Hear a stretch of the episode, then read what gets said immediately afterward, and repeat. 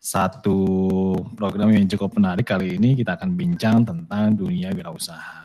Itu dia ya. Dan seperti biasa, jika ada pertanyaan ya para pendengar semuanya, Anda nanti uh, bisa bertanya di line yang sudah biasa kita hadirkan untuk Anda. Silakan di 0811 37074 ya. Ya, sekali lagi uh, di 0811 37074 itu dia.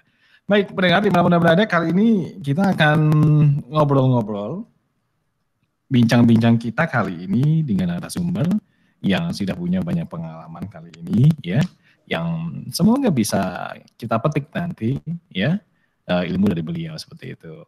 Nah, tentunya para pendengar di mana-mana berada, jangan lupa sekali lagi di 081137074 nanti Anda bisa bergabung dengan kami semua di sini ya. Baik, kali ini saya akan perkenalkan dulu uh, narasumber kita yang sudah hadir di ujung ya. Nah, Baik, di ujung mana? Di ujung telepon? ya, di ujung koneksi kita ya. Bersama dengan uh, Mas Teddy Risnandar, SEMBA, begitu ya. Tentu dengan tema pembahasan kita tentang entrepreneur versus salaryman. Nah, kayaknya sesuatu yang berbenturan begitu ya. Oke, kalau uh, dihadirkan ada dua pilihan, ya Anda diberikan uh, dua pilihan di antara kedua yang satu ini kayaknya sih menjadi pilihannya sulit. Saya rasa begitu. Saya rasa ya. Oke. Nah, yang pasti pendengar sehubungan dengan tema pembahasan kita entrepreneur versus salaryman ya. Nah, yang merasa sekarang ini menjadi seorang salaryman gitu ya. Nah, apakah Anda nggak pengen jadi seorang entrepreneur gitu. Atau kebalikannya ya. Mungkin Anda sekarang ini menjadi seorang entrepreneur nggak pengen nggak sih pengen menjadi seorang salaryman gitu ya yang bisa mendapatkan uh, gaji pokok mungkin, oke? Okay? Nah, atau mungkin pendapatan yang pasti mungkin. Nah, kita akan bahas tentang uh, dua hal yang berbeda kali ini di uh, bincang wirausaha SI malam ini ya. Baik, kita coba sapa dulu uh, narasumber kita yang ada di ujung ya bersama dengan Mas Teddy begitu. Assalamualaikum Mas Teddy. Waalaikumsalam warahmatullahi ya. Mungkin ini mungkin mic-nya, jangan di mute dulu Mas Teddy. Uh, nyala nggak? Oke. Okay. Uh, Oke, okay. tes tes gimana? Udah Baik. masuk? Oh sebentar Mas Teddy. Nah ini dia nih dengan Mas Teddy ini. Baik, dicoba lagi Mas Teddy. Okay. Bisa tersambung? Sudah masuk? Oke. Okay. Tes satu dua ah, tiga. Assalamualaikum warahmatullahi wabarakatuh. Baik, mau ditunggu sebentar. Uh, sebentar, saat lagi kita akan hadirkan satu informasi untuk anda para pendengar ya. Sementara kita akan benahi dulu uh, konektivitas ya bersama dengan Mas Edi. Nah, jangan lupa nanti Anda bisa bergabung dengan kami di 0811 37074. Itu dia.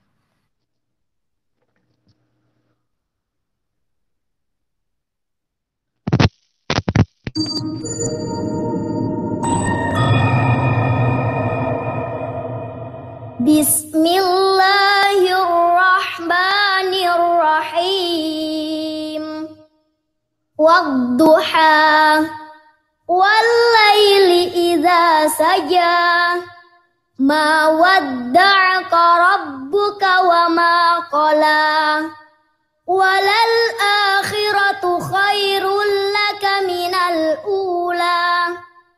ولسوف يعطيك ربك فترضى Alam yajidka yatiman fa'awa wa wajadaka dhallan fahada wa wajadaka ailan fa'aghna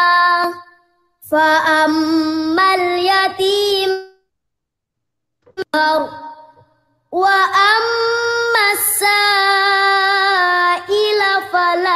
tanhar wa amma bi ni'mati rabbika fahaddits Baik pendengar di mana Anda berada kembali lagi bersama Bincang Wirausaha ya Radio HSI. Baik. Uh, para pendengar sekali lagi untuk Anda di mana berada yang sekarang ini sudah mulai stay tune bersama dengan kita di sini jangan lupa ya. dari jam 8 sampai dengan jam 9.30 atau jam 21.30 waktu Indonesia bagian Barat.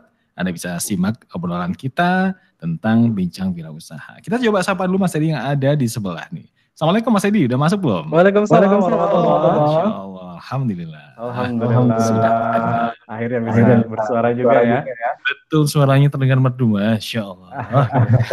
bisa, bisa, bisa, bisa, bisa. Mas Edi sekarang posisi ada di mana Mas?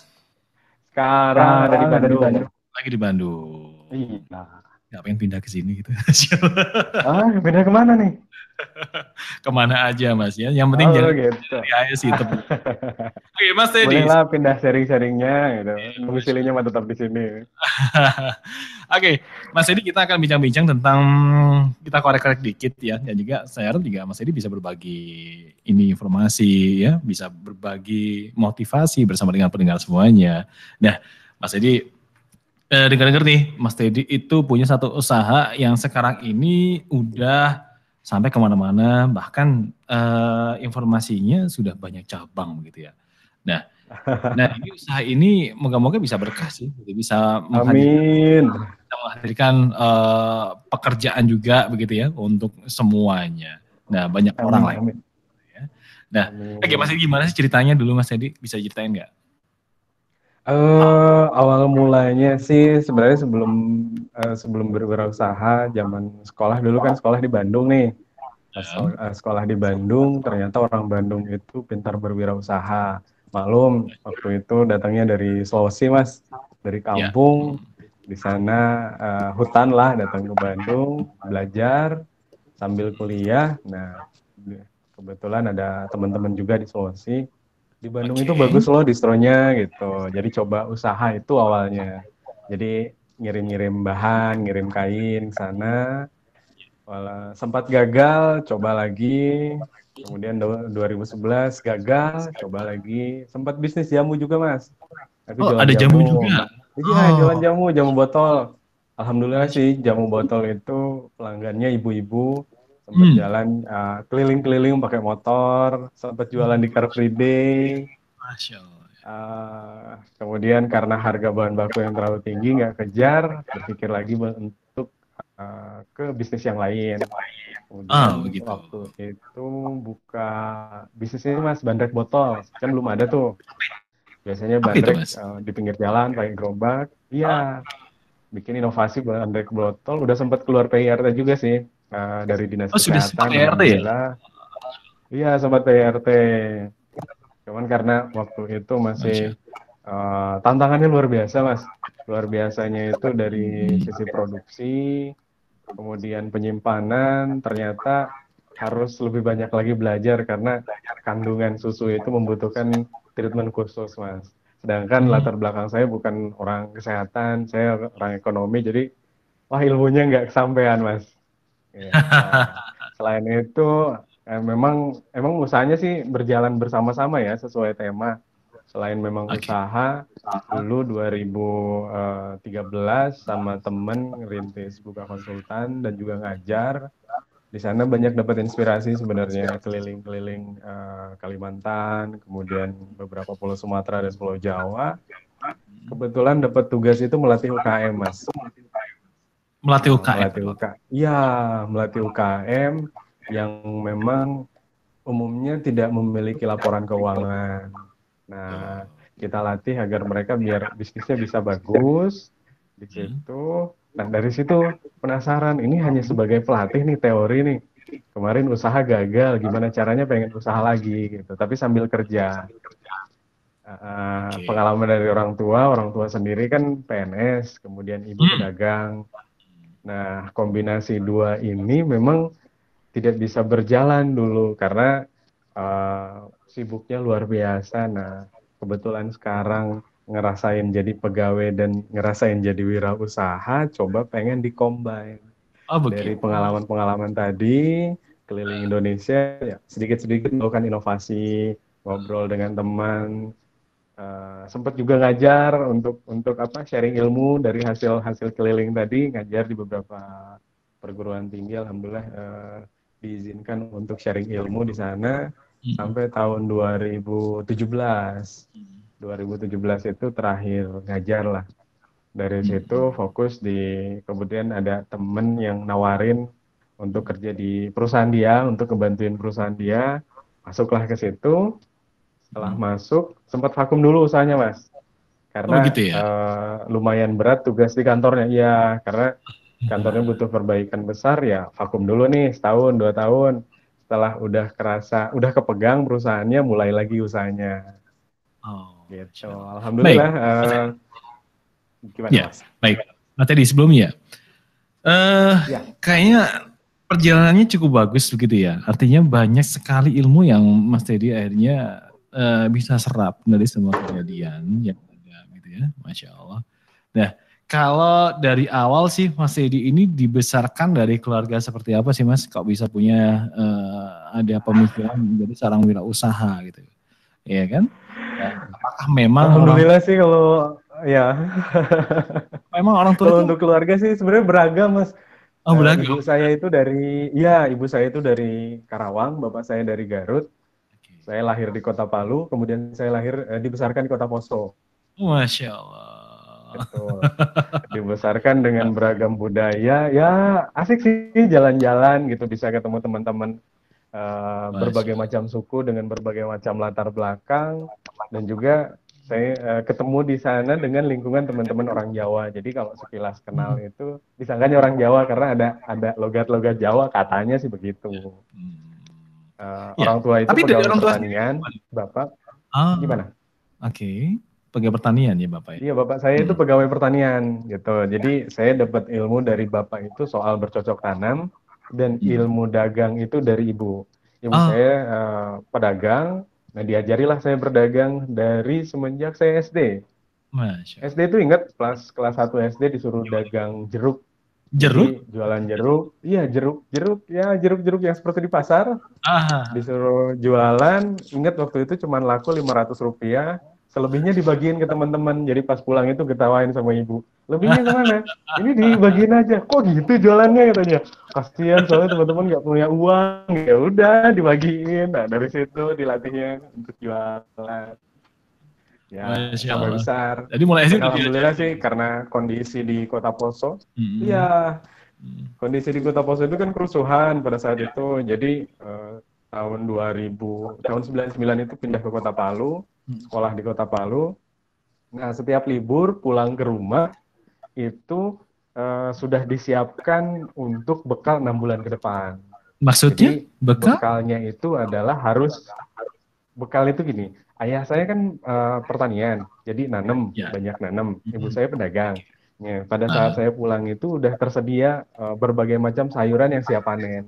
Hmm. Jadi saya harus mencari pembelinya sendiri, panen sendiri, jual sendiri. Hasilnya untuk enam bulan ke depan karena SMP itu udah ngekos saya.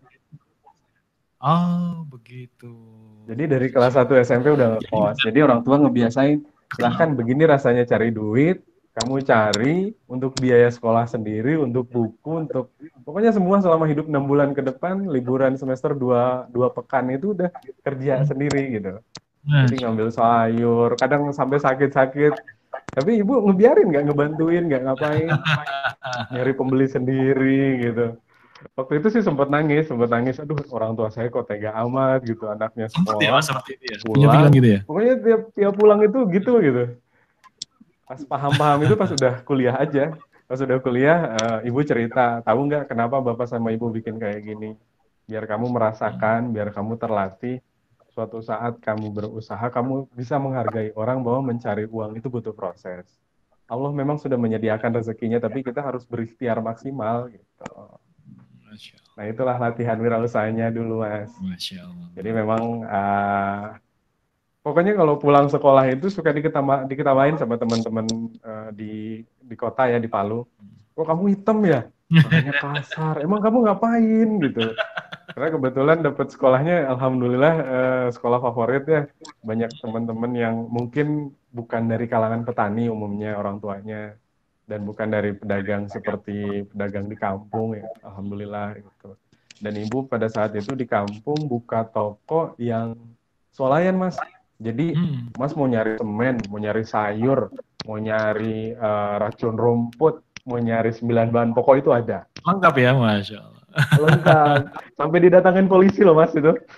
Karena Kenapa itu? melanggar, eh, iya kan sembilan bahan pokok itu nggak boleh dicampur sama racun-racunan mas. Iya, iya. Iya, itu melanggar melanggar undang-undang. Tapi ya di situ ada peluang bisnis ya kami coba usaha dan memang dibuatkan tempat khusus ya, ada ada ruangan khusus gitu. Nah di situ eh, belajar bahwa oh iya ternyata kita dalam berbisnis itu harus berstrategi. Setiap ada masalah kita gimana caranya mengakalinya dengan prosedur yang benar. Gitu. Nah itu ilmu-ilmu yang eh, apa nggak didapetin di bangku sekolahan sih sebenarnya Hmm. dari pengalaman orang tua. Iya. Baik, Mas Edi sebelumnya. Eh kalau berbicara tentang pendidikan yang diberikan sama orang tua tanpa Mas Edi sadari begitu ya. Kita ngomong tentang pencapaian oke lah, ada pencapaian. Cuman eh, kita akan mengupas tentang arti sebuah pendidikan yang diberikan oleh orang tua ya.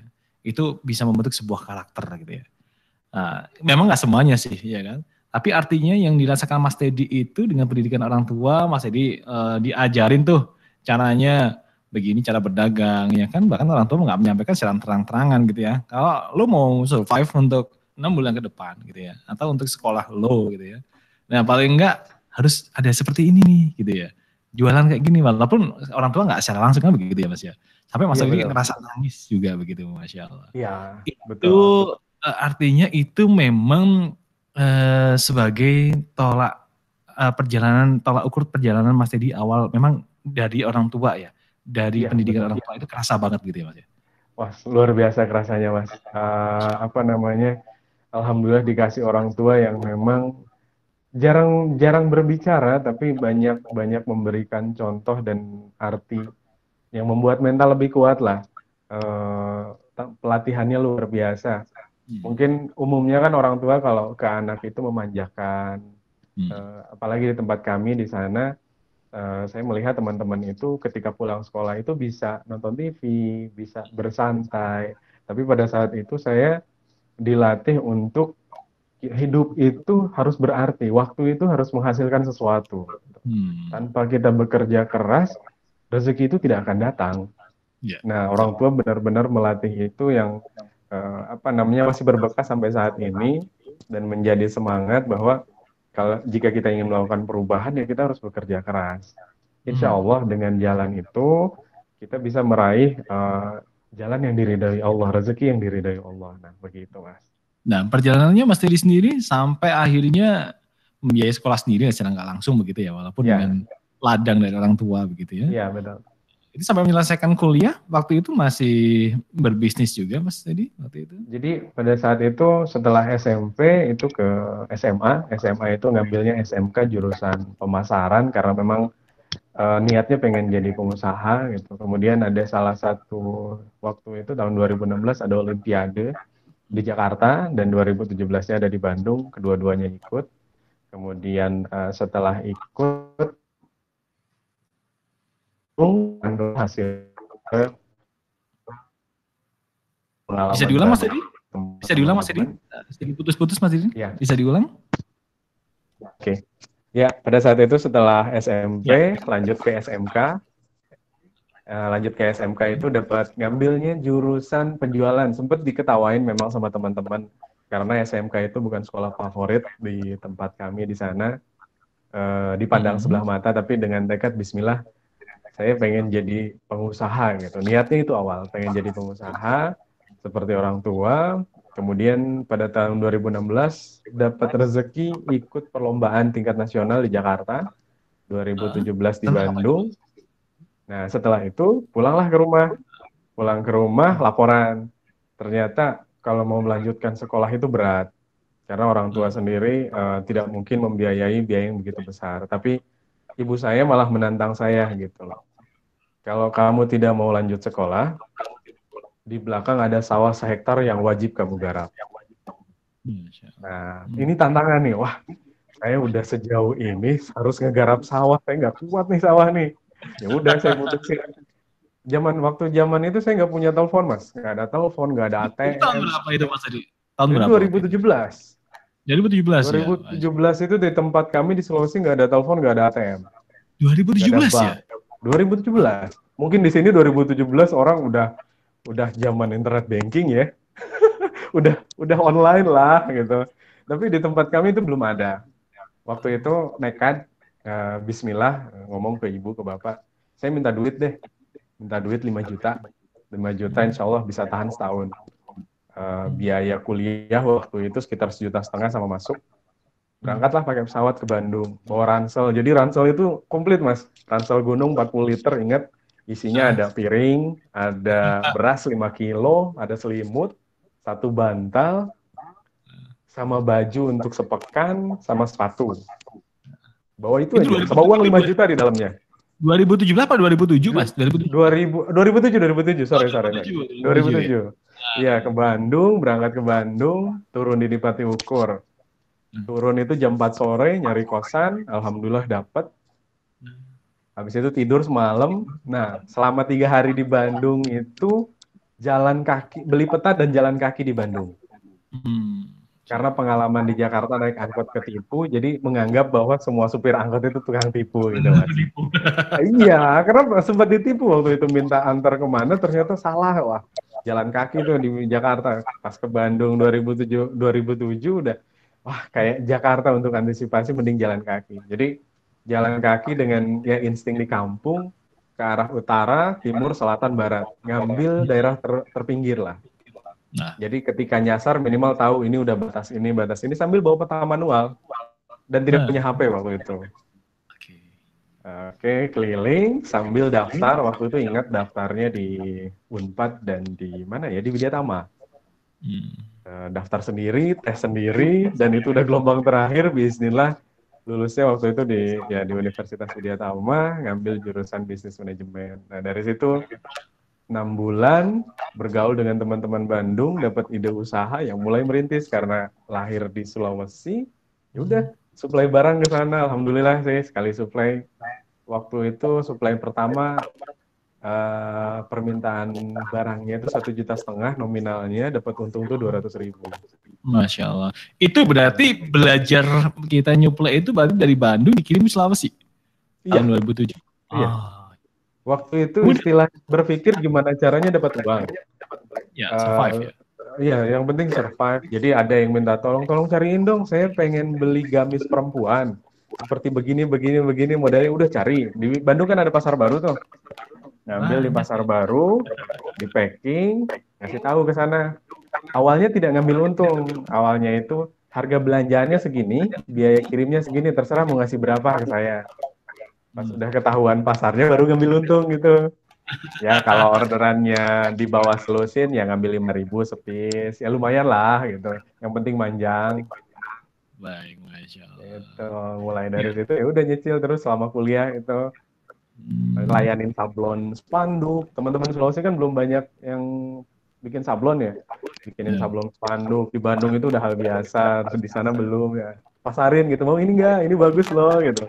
Sablon baju by request waktu itu bikinin kirim. Alhamdulillah jalan sampai ya ya sampai lulus kuliah lah kebantu. Ibu sampai waktu itu kalau mau minta uang itu pakai surat mas gimana ceritanya itu jadi kalau udah habis uang nih habis uang deket semesteran bayar semesteran tulis surat tuh ke sana itu kan pilih, eh, ngirim surat itu 30 hari baru nyampe. Wah, Kadang kalau ya? gangguan, ya? ya kalau gangguan itu 60 hari. Jadi lagi ngitung nih, ngitung sendiri kalau habis uang gimana caranya ya udah hmm. untuk antisipasi hal-hal yang tidak diinginkan kirim surat tuh kirim surat nanti yeah. sampai pos setelah 30 hmm. hari dari sana ada telepon jadi orang tua itu ke kota Palu jaraknya dari rumah ke kota Palu itu 100 kilo nanti ke kota Palu telepon uh, nanyain kabar nanyain macam-macam Terus dikirimlah uang. Uang itu dikirimnya lewat wesel, wesel pos, Mas. Jadi ngambil pakai via wesel dulu tuh. Jadi ya 60 hari lah total baru dapat kabar. Jadi kalau tidak pas uh, pas nggak ada uang, hanya ada satu sih harapannya doa, Mas. Masya Allah. Berdoa aja ya Allah. Nggak mau minjem tapi pengen bisa hidup gimana caranya gitu ya ngapain main sama teman. Alhamdulillah. Tapi bener nggak Mas Edi dari dari kejadian ini memang bisa mengantarkan Mas Edi itu bisa berbesar hati kemudian bisa berkarya gitu benar nggak sih? Ya karena berpikir waktu itu Bismillah gitu. Orang tua saya menyekolahkan dengan ilmu. Uh, manusia itu diberikan ilmu. Jadi saya harus berpikir gimana caranya saya bisa hidup gitu. Jadi hal yang pertama saya lakukan adalah tidak boleh malu. Hmm. Jadi walaupun saya anak kuliahan, ya saya harus bisa berbisnis apa pun itu halal. Nah mental ini yang saya coba pupuk dalam diri saya sampai saat ini. Jadi apa pun, bagaimanapun kehidupannya kita harus harus berani gitu. Ya perlu milih-milih pekerjaan lah selama itu halal. Nah ini yang membuat Baik. tidak berani apa ya berani mencoba segala bisnis lah. Baik, Mas Edi sebelum kita lanjutin dulu, sebelumnya kita mau mau berbagi informasi untuk para pendengar semuanya, para pendengar radio SI Jangan lupa pembahasan kita kali ini bersama dengan Teddy Risnandar SMBA ya dengan tema pembahasan entrepreneur versus salaryman. Gimana sih pembahasannya tadi ya?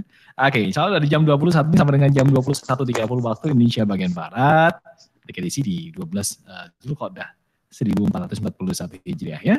Baik, yang ingin bergabung, yang ingin bertanya, mungkin ingin berbagi, mungkin juga mau sharing tentang dunia usaha di 0811 37074. Sekali lagi di 0811 37074 ya.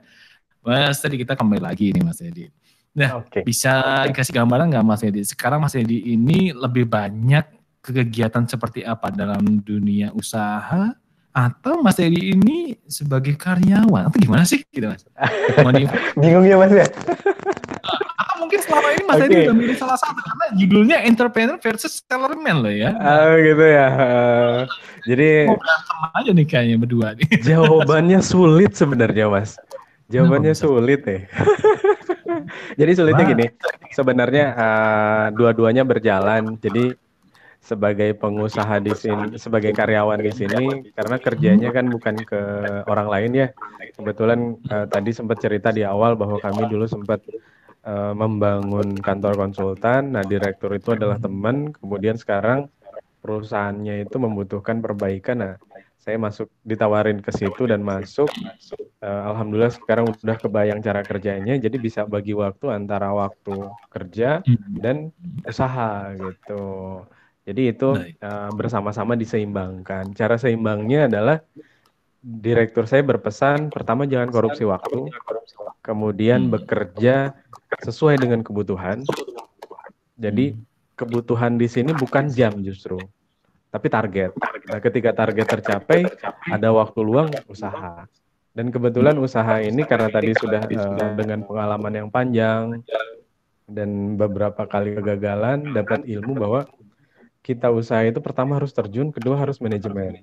Manajemen di sini ketika kita mempunyai SDM yang bisa uh, apa namanya bisa dipegang, kita tahu kualitasnya dan tahu kepercayaannya, ya, sebenarnya manaj- uh, usaha itu bisa ditinggalkan. Nah, hmm. dengan jalan itu, maka kedua-duanya bisa berjalan bersamaan. Oke, kalau berarti Mas uh, tadi berarti sekarang ini di konsultan gitu ya? Sebagai ya apa namanya ya sebagai bekerja lah begitu ya. Kemudian untuk yang wirausaha mas Eli bidangnya apa sekarang di Tekuni? Oh ya sebelumnya saya ini dulu saya ceritakan dulu. Sebelumnya bang saya di konsultan itu dari 2013 sampai 2017 kemudian 2017 ditawarin di tadi yang diceritakan di awal di perusahaan uh, pengisian LPG mitra BUMN di situ uh, ditawari sebagai salah satu pimpinannya, kemudian merintis usaha. Nah, usahanya ini yang menarik nih. Hmm. Usahanya sebenarnya tidak sengaja. Awalnya uh, pada saat masuk 2017 itu saya bisnisnya adalah gas LPG. Gua oh, gas karena LPG. kerja kerjanya kan di pengisian LPG nih. Masa nggak bisnis gas gitu?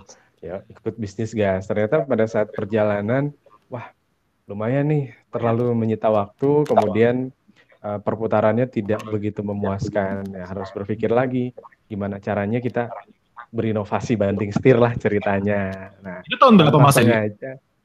Itu berjalan sampai 2019, kemudian akhir 2019 lah ceritanya bisnis yang sekarang berkembang itu. Hmm, okay. Gitu. Siap, Jadi uh, tetangga itu orang Garut, kemudian bawa pete awalnya, petenya lumayan banyak tuh, sekitar sekilo setengah lah sekilo satu setengah kilo setengah. iya satu kilo setengah udah di udah dikeluarin dari kulitnya Oh, Udah ngomong sama istri, nggak mungkin nih kita habisin berdua pete sebanyak ini kita bisa mabok pete nih. Ya udah, gini aja deh kita masak, kita olah, kemudian kita kasih lagi ke yang ngasih tadi sama beberapa tetangga. Terus pada saat kita kasih, ada tetangga yang nyeletuk, Mas jualan sambal pete? Enggak. Kenapa gitu? Oh kirain jualan. Kalau jualan mas saya pengen jualan. Ngomonglah ke istri. Kayaknya menarik nih. Kita coba yuk, coba. Awalnya cuman pakai sealer ya, kemasan plastik sealer. Kita langsung bikin, selang tiga hari kita langsung bikin. Eh, open PO waktu itu cuman 5 pieces lah open PO-nya. Eh, Alhamdulillah positif. Eh, dibeli, terus berlanjut, dibeli, dibeli, sampai ada komplain. Komplainnya itu karena kemasan plastik, oh. kita kirim keluar pecah. Oh. Nah, Berarti kirim sudah ada keluar. permintaan keluar ya Mas pada waktu itu Sudah ya? ada, sudah ada. Permintaan keluar pecah, kemudian kita ganti ke botol. Ke botol waktu itu hanya pakai tutup manual. Nah, pada saat dikirim, komplainan dari NTB, kemudian dari Lampung, dari Kalimantan, basi, Mas. Basi?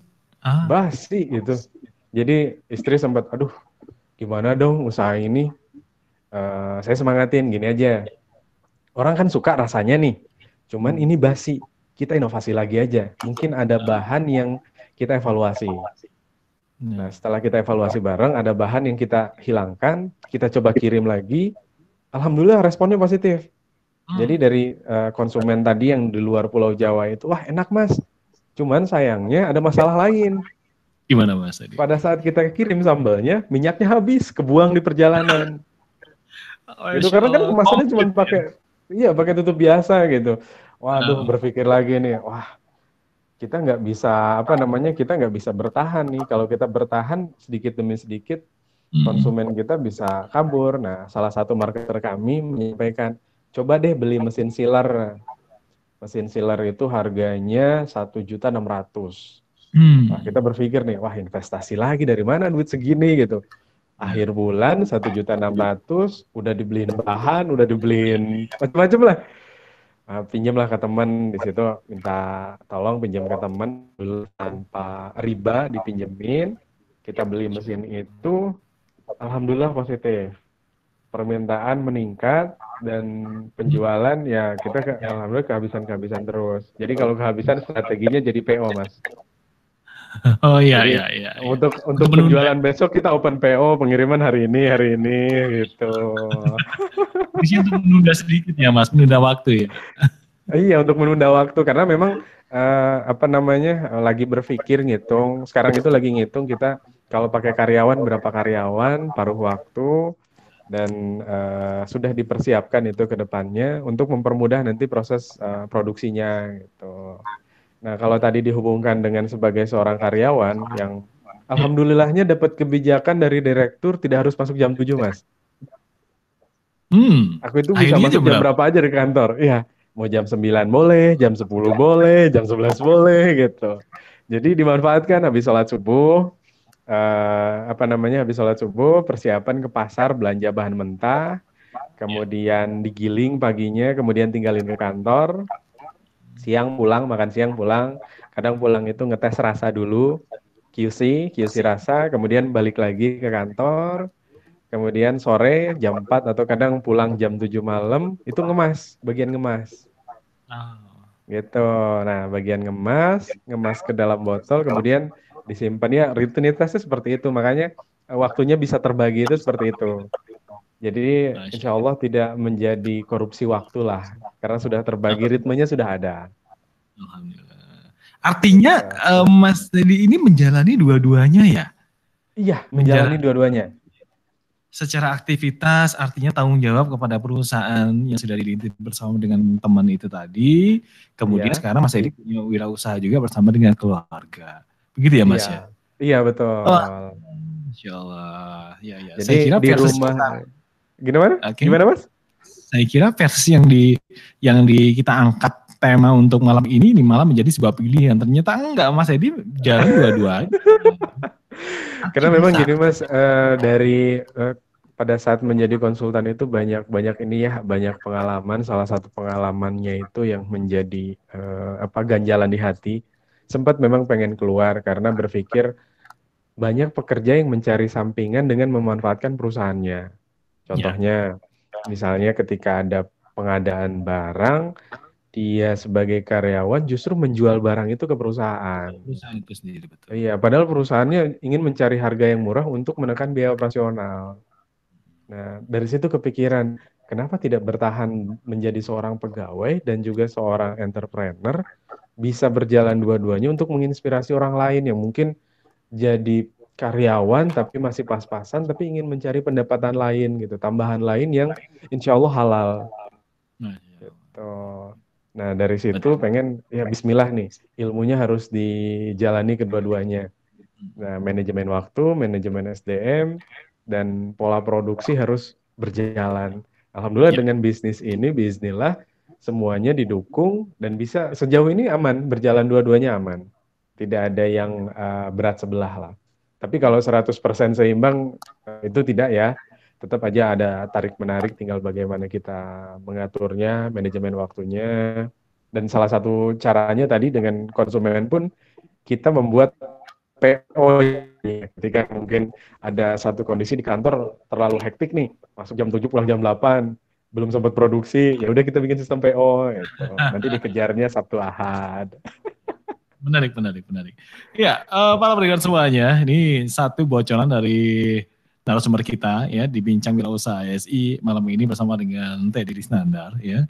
Nah, Mas Teddy ini juga salah satu karyawan gitu ya, nah, bekerja punya tanggung jawab beliau. Kemudian juga beliau juga mendirikan sebuah wirausaha. Ya, dengan tema kita entrepreneur versus salaryman gitu ya.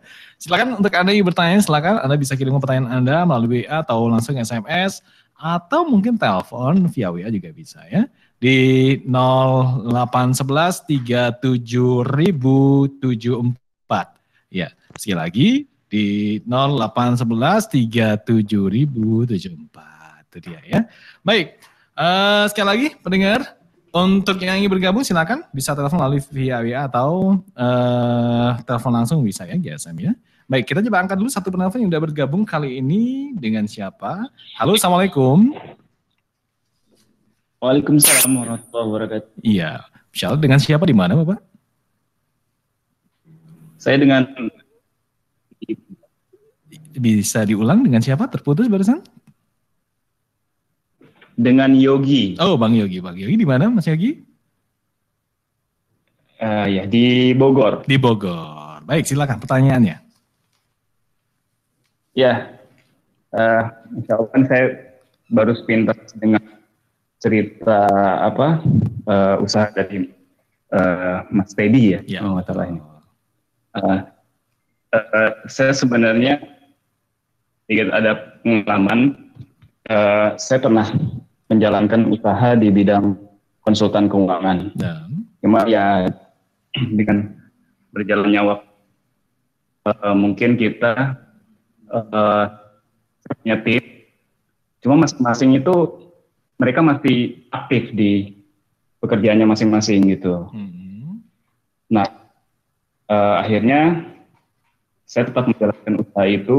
Ini eh, saya saya mungkin minta minta di, di- apa diberikan masukan gitu ya dan karena eh, ya karena kebetulan pengalamannya agak mirip cuma kalau Mas Teddy mungkin cukup berhasil nah itu saya butuh informasi itu bagaimana cara saya untuk bisa bisa seperti Mas Teddy gitu.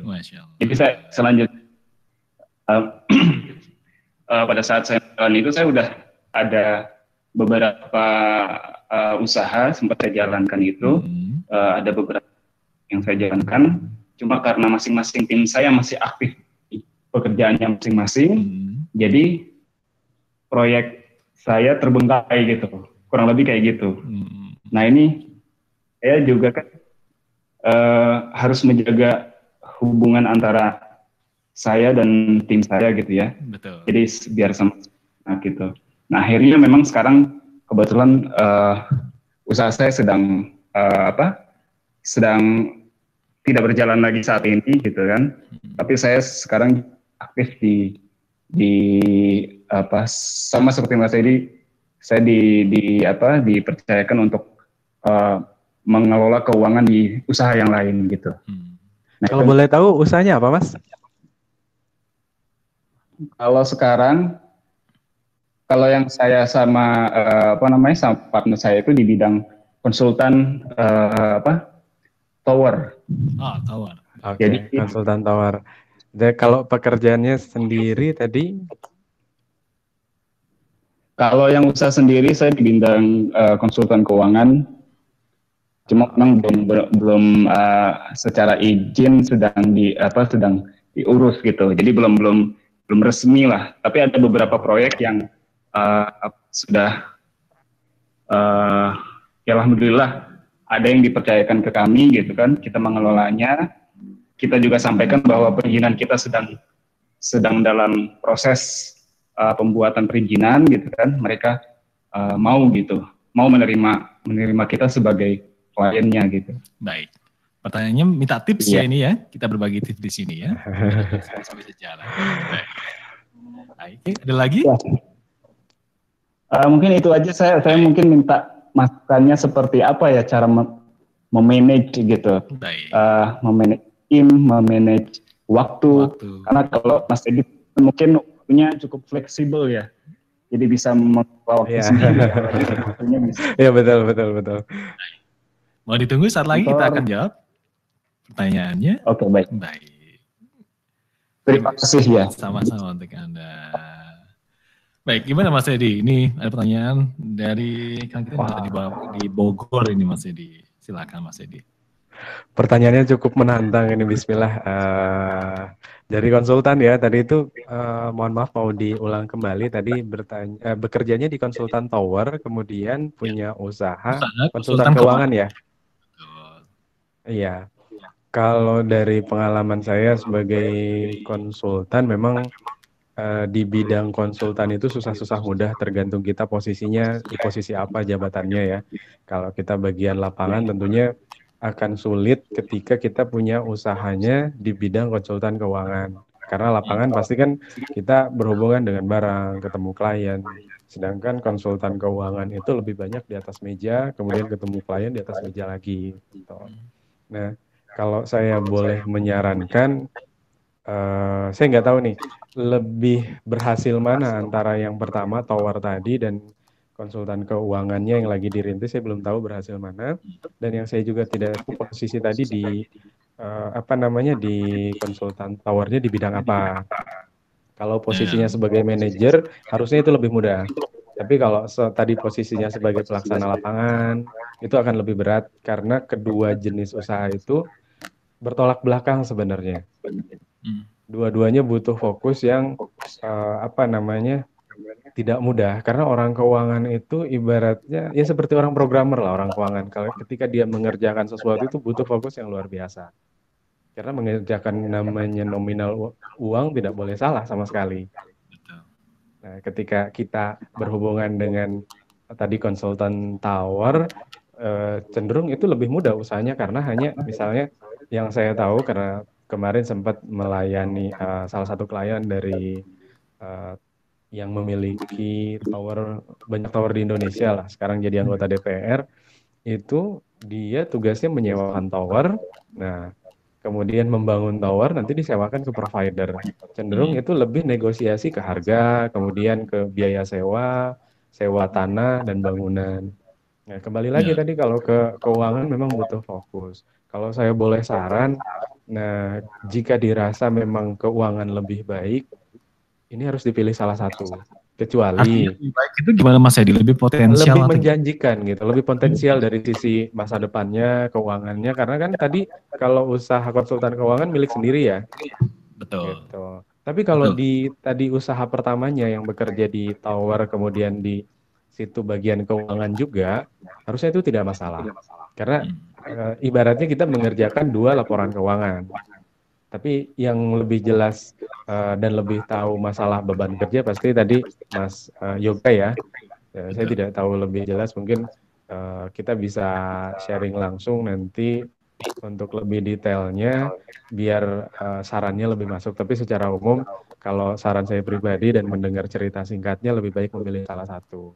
Kalaupun Mas mau jalan justru cari usaha lain yang lebih mudah. Contohnya kalau saya pribadi kan usaha saya di bagian manajemen, kantornya di manajemen, kemudian produksinya cenderung lebih ke arah produksi yang sudah digeluti UMKM yang manajemennya tidak begitu sulit. Hmm. Gitu. Jadi kita tinggal menempatkan orang yang uh, bisa dipercaya, baik dia di bidang produksi atau manajemen pelanggan yang mudah dikontrol, sehingga bisa berjalan kedua-duanya. Itu sih saran saya. Mudah-mudahan membantu menjawab.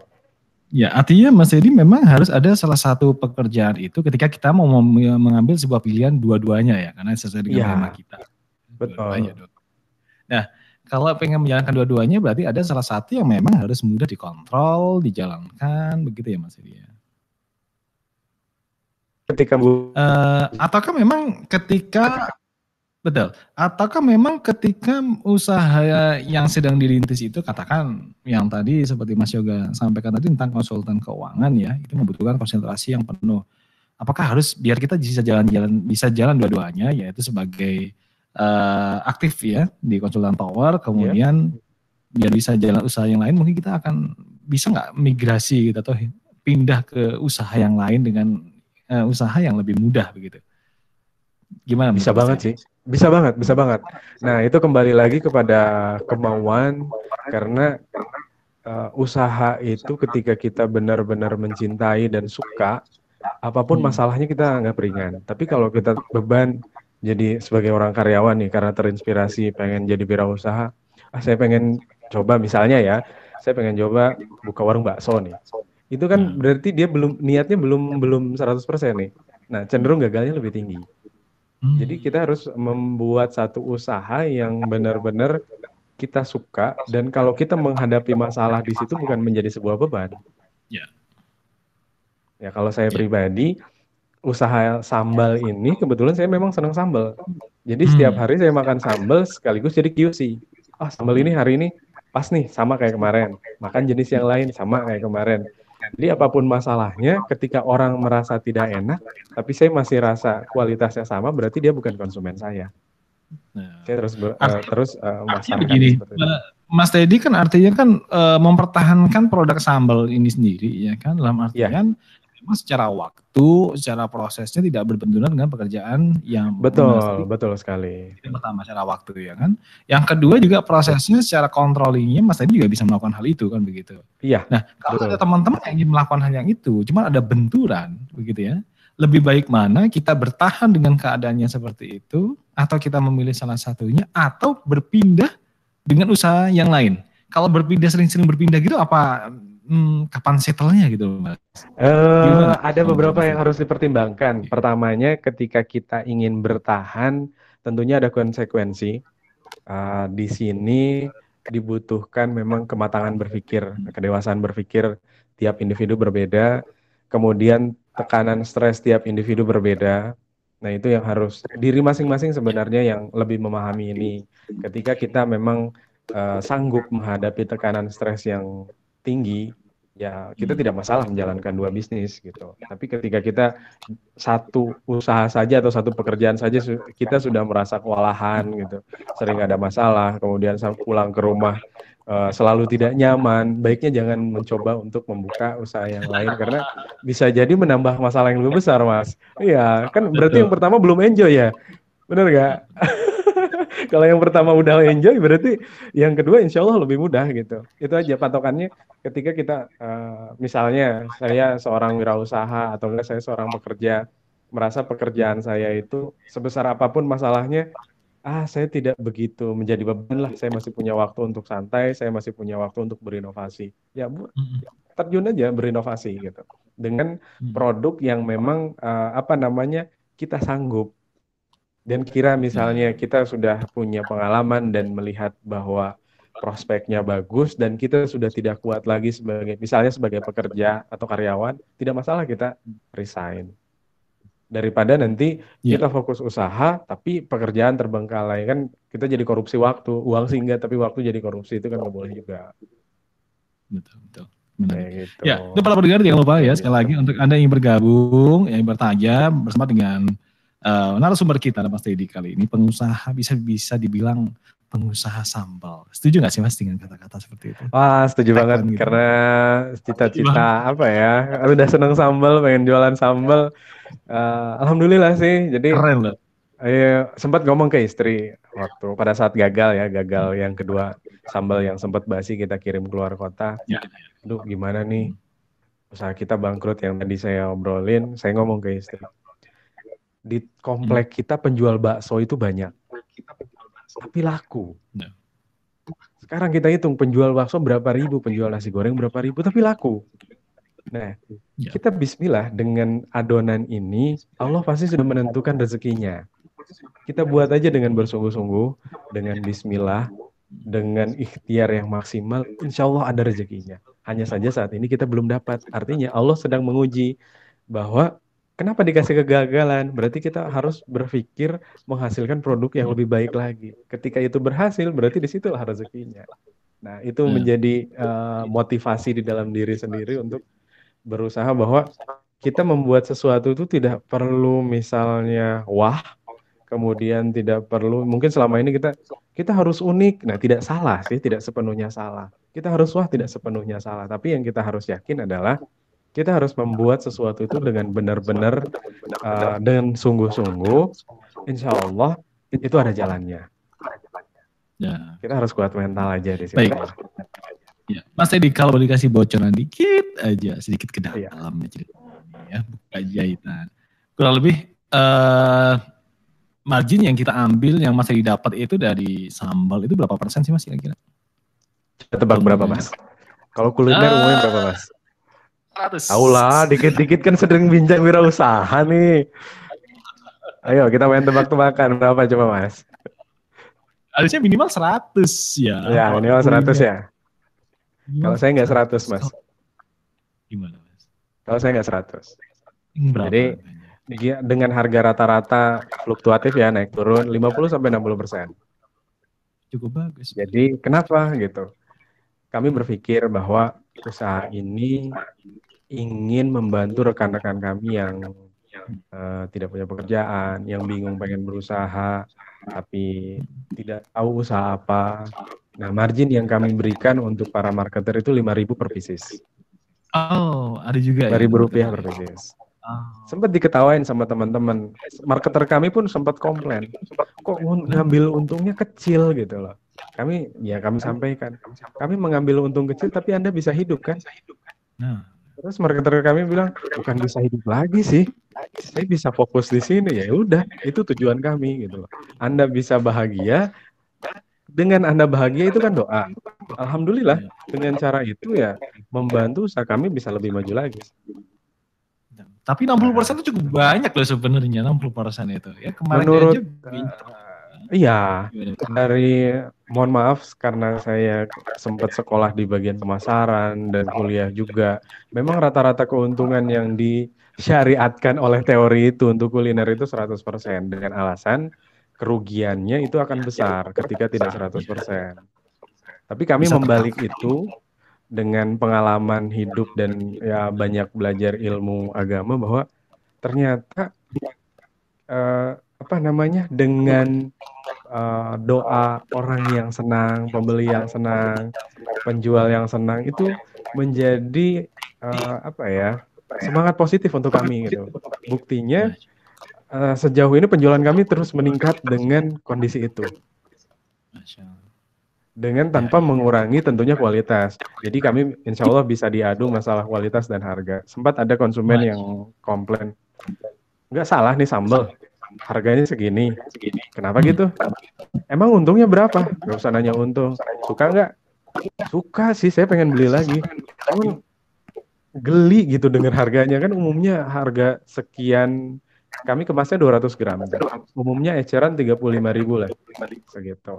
Hmm. Nah, kami berbicara eh, gini, kalau kita jual 35.000 tidak semua orang bisa beli sambal, tapi semua orang itu pengen makan sambal. Nah, Dengan kita menjual harga yang tidak terlalu tinggi, ada dua keuntungan. Pertama, yang pengen belinya tidak harus membutuhkan uang banyak. Kedua, para marketernya pun bisa hidup. Berarti secara tidak langsung kami banyak membantu orang lain, baik dari segi rasa ya, kebutuhan, maupun tadi kehidupan gitu. Gitu Ya. Mas inspirasinya. Makanya Cukup menarik eh, sekali. Jadi, nah, artinya memang di sana ada bumbu tersendiri. Dalam artian bumbu ini bumbu rahasia, yaitu kenyamanan ya. Kenyamanan Iya, dalam betul. artian nyaman, konsumen juga nyaman, begitu ya. Mas Edi juga Iya. selaku juga nyaman. Dan itu yang bisa eh, bikin kita tenang. Nah, Mas Teddy juga yakin bahwasanya usaha itu memang nggak Iya. harus lepas dari seperti ini gitu ya. Biar sama-sama dapat keberkahan lah semuanya gitu ya. Iya, amin begitu. Ada hal menarik sebenarnya, Mas.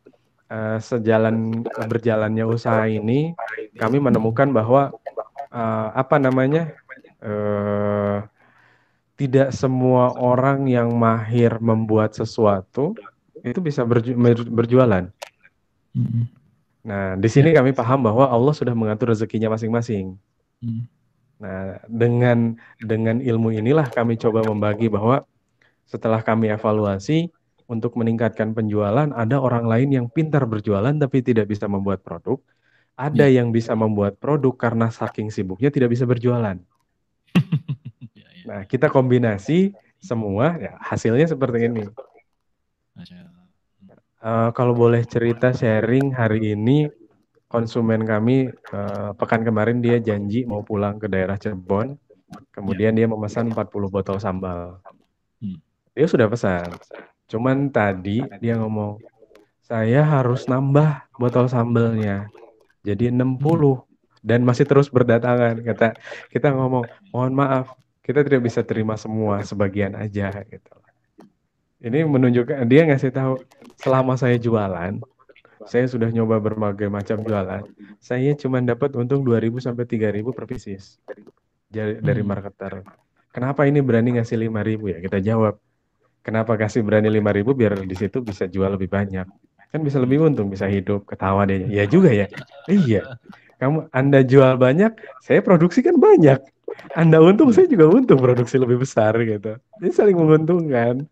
Orang lain bisa, memang cita-cita awal ingin membuka lapangan pekerjaan bagi teman-teman yang eh, bingung pengen usaha apa dan hanya bisa update status daripada maksudnya update status tanpa manfaat, mending update status jualan. Ya berbagai macam jualan ya, salah satunya bisa sambel, bisa pakaian. Ya.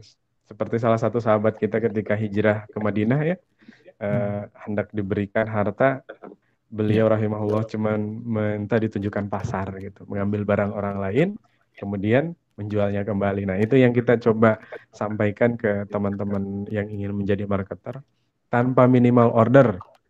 Anda pesan satu, kami layani dan kami berikan harga marketer selama niat Anda ingin dijual lagi. Kami Ya. tidak kami tidak peduli Anda ingin berbohong kepada kami urusan Anda dengan Allah. Ya, Hmm. kami percaya ketika Anda ngomong saya ingin jual lagi tapi cuma satu. Ini uangnya, silahkan kami kirim. Gitu. Ya, Masya biasa. Oke, Mas Edi ini ada pesan yang sudah masuk ini via WA. Ah, iya. Assalamualaikum warahmatullahi wabarakatuh. Waalaikumsalam warahmatullahi wabarakatuh. Perkenalkan saya Anissa dari Bekasi, mau bertanya, kalau buat seseorang yang baru mau terjun ke dunia wirausaha, lebih baik membuat inovasi produk baru dari awal atau menjadi reseller? Dan kalau boleh tahu pemasarannya itu lewat media apa saja dan bagaimana cara teknik penjualan usaha sambal yang Mas Teddy geluti saat ini? Silakan. Pertanyaannya berat banget ya. Kalau baru mau menjadi wirausaha. Nah, ini sih ada dua, tidak bisa dijawab langsung ya. Karena ini berhubungan dengan modal. Nah, modal yang kita miliki itu ada dua. Ada modal uang, ada modal skill. Umumnya setiap orang memulai wirausaha itu memang terkendala modal uang ya. Terus terang kami memulai sambal itu dengan modal 15.000 Eh, beli tomat, beli cabai, beli bawang yang kita yang kami bagikan, yang kami sedekahkan kepada tetangga yang Hmm. diceritakan di awal dan itu mendapat respon baik. Nah, jika ingin memulai usaha dengan memang kita enak, ingin berproduksi sendiri ya gampang. Bikin sesuatu, bagikan ke tetangga. Ketika mereka eh, responnya positif, wah ini enak, bagus. Nah, itu boleh coba dijual. Hmm. Nah, itu langkah pertama yang paling mudah dengan biaya yang seminimal mungkin. Iya. ketika kalau kita punya uang banyak ya nggak ada salahnya. Tapi kalau memang sama sekali belum pernah ke wirausaha, nah itu cara yang paling mudah. Cara kedua adalah menjual barang orang lain. Kenapa? Menjual barang orang lain itu kita melatih skill. Ketika ada komplainan, atau kita bisa mendapatkan inspirasi sebenarnya dari konsumen kita. Ya. Dengan mereka membaca status kita, mereka akan memberikan feedback. Kenapa nggak jualan ini? Kenapa ini terlalu mahal? Jadilah komunikasi dua arah. Nah dari situ akan banyak eh, informasi-informasi uh, yang kita peroleh untuk menjadi seorang wirausaha. Kemudian bergaul dengan teman-teman yang berwirausaha. Jangan jadi pengen pengusaha, tapi bergaulnya dengan orang yang tidak berusaha nanti idenya nggak keluar. Betul. Gitu. Kemudian yang paling penting adalah mental, karena terus terang ketika saya pun terjun ke usaha ini mentalnya luar biasa. Waktu sekolah wah masa anak sekolah jualan? Kemudian ya. setelah kuliah masa anak kuliahan jualan? Untungnya ini apalagi sekarang gitu. Uh, sekarang saya sampai diketawain sama uh, karyawan saya terus terang saya diamanahi jabatan sebagai manajer ya. Masa manajer ke pasar pakai motor subuh subuh belanja terus jualan gitu. Saya ngasih tahu, salahkah saya jualan? Kan ini di luar jam kantor. Kalau memang saya berlebihan, tolong saya ditegur. Nah, mental ini memang yang harus kita bangun karena uh, apa namanya akan menjadi cemooh ya, cemooh pertama untuk memperkuat uh, ya jiwa wirausaha kita gitu. Ya semoga bisa menjawab yang tadi. Uh, pertanyaan lainnya apa ya, Mas? Uh, saya nggak catat kalau ya. boleh tahu pemasarannya lewat media apa aja? Oh ya pemasaran. Nah pemasaran kami awalnya hanya melalui media WhatsApp. Media WhatsApp dan WhatsApp grup kebetulan di komplek kami itu ada ukhuwah uh, umahat. Jadi istri isinya itu adalah ibu-ibu komplek yang isinya jualan. Dan alhamdulillah nggak ada yang beli. Hebat ya ibu-ibu jualan nggak ada yang beli kenapa? Karena semuanya jualan. Iya, gitu. Tapi nah, ju semuanya jualan, justru yang belinya orang-orang di luar komplek. Mereka yang uh, apa namanya nanyain berapa nih? Ya harga dari kita segini, uh, marginnya 5000 silahkan diambil tanpa minimal order, silahkan dijual. Wah seneng banget tuh ada yang iklan tiap hari nggak laku-laku, ada yang iklan sedikit tapi laku, ah, rame lah pokoknya.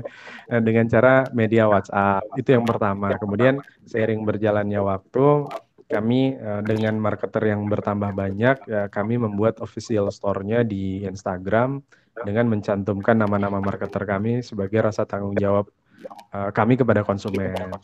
Nah itu yang kedua dan sampai saat ini baru dua media sosial uh, yang kami jalankan karena mempertimbangkan waktu.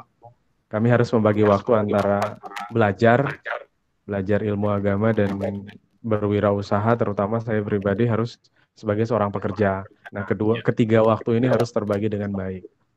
Ke depannya, ya idenya adalah ingin membangun uh, tempat produksi sendiri dengan mempersiapkan karyawan. Baik, Mas Edi, uh, seperti disampaikan tadi sama penanya, kalau ada beberapa pilihan gitu Mas Edi ya, lebih enak mana sih kita itu bikin sebuah usaha baru dengan brand baru, dengan produk baru, atau kita cukup jadi reseller aja ya? Reseller berarti kan nggak ada. Kedua-duanya bisa kalau, kata saya. Kedua-duanya bisa. Iya. Iya kan? Gini, kalau bikin produk baru itu resikonya kan nggak ada yang beli ya dan gagalnya lebih besar. Kalau memang mental kita kuat, pertama kemudian kita punya permodalan yang kuat tidak masalah. Karena kita harus mencoba beberapa kali, bisa sekali coba berhasil, bisa dua kali, bisa mungkin seratus kali coba baru berhasil, bisa. Makanya harus mentalnya harus kuat.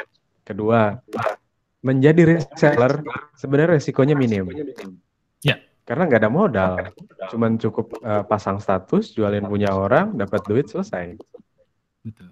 Jadi marketer ya, seperti itu. Nah, baiknya jalan kedua-duanya untuk latihan menangani komplain konsumen, masukan konsumen.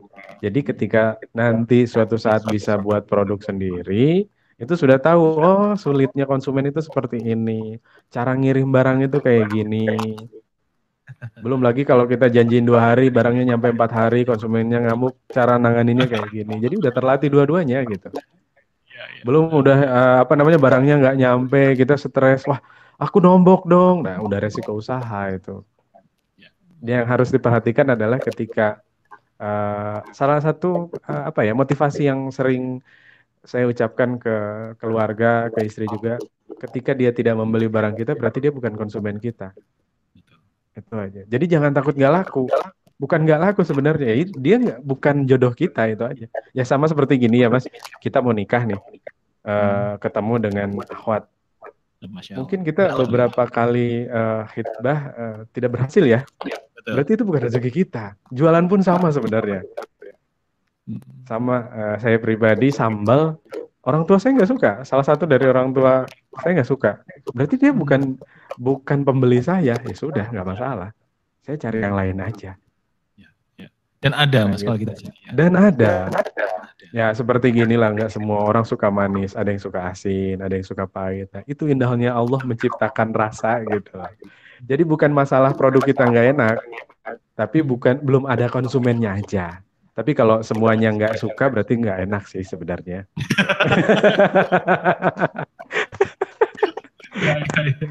Tapi ada satu gini mas. Ah, iya. Tapi gini loh, kalau kita bikin produk minimal kita yang suka. Jangan Ya, ya. sampai kita bikin produk kita sendiri nggak suka gitu loh. Nah itu hati-hati itu. Kita bikin produk, aduh saya nggak suka makan eh. Tapi pengen bikin. Nah nanti aneh ketika ada yang nanya, ini produk sendiri iya, enak dong. Tapi saya nggak suka makan. Jadi gimana ya, ambigu gitu. Mau mau eh, memasarkan ke konsumennya juga. Ini yang harus jadi pertimbangan. Oke. Iya. Mas Teddy bisa dikasih bocoran nggak sih Mas Teddy? Hmm, sukses story dari Mas Teddy sendiri dari produk ini sendiri apa sih? gitu? Yang sekarang ya, yang bisa Mas Teddy nikmatin bareng sama keluarga. Alhamdulillah sih kalau yang menjadi rasa bangga adalah eh konsu- eh, bukan konsumen sebenarnya, marketer kami banyak mengucapkan terima kasih karena mereka tidak punya pekerjaan sebelumnya. Dan mereka bisa hidup dengan usaha ini menjadi marketer kami. Itu menjadi salah satu yang apa tidak ternilai, tidak bisa dinilai dengan uang.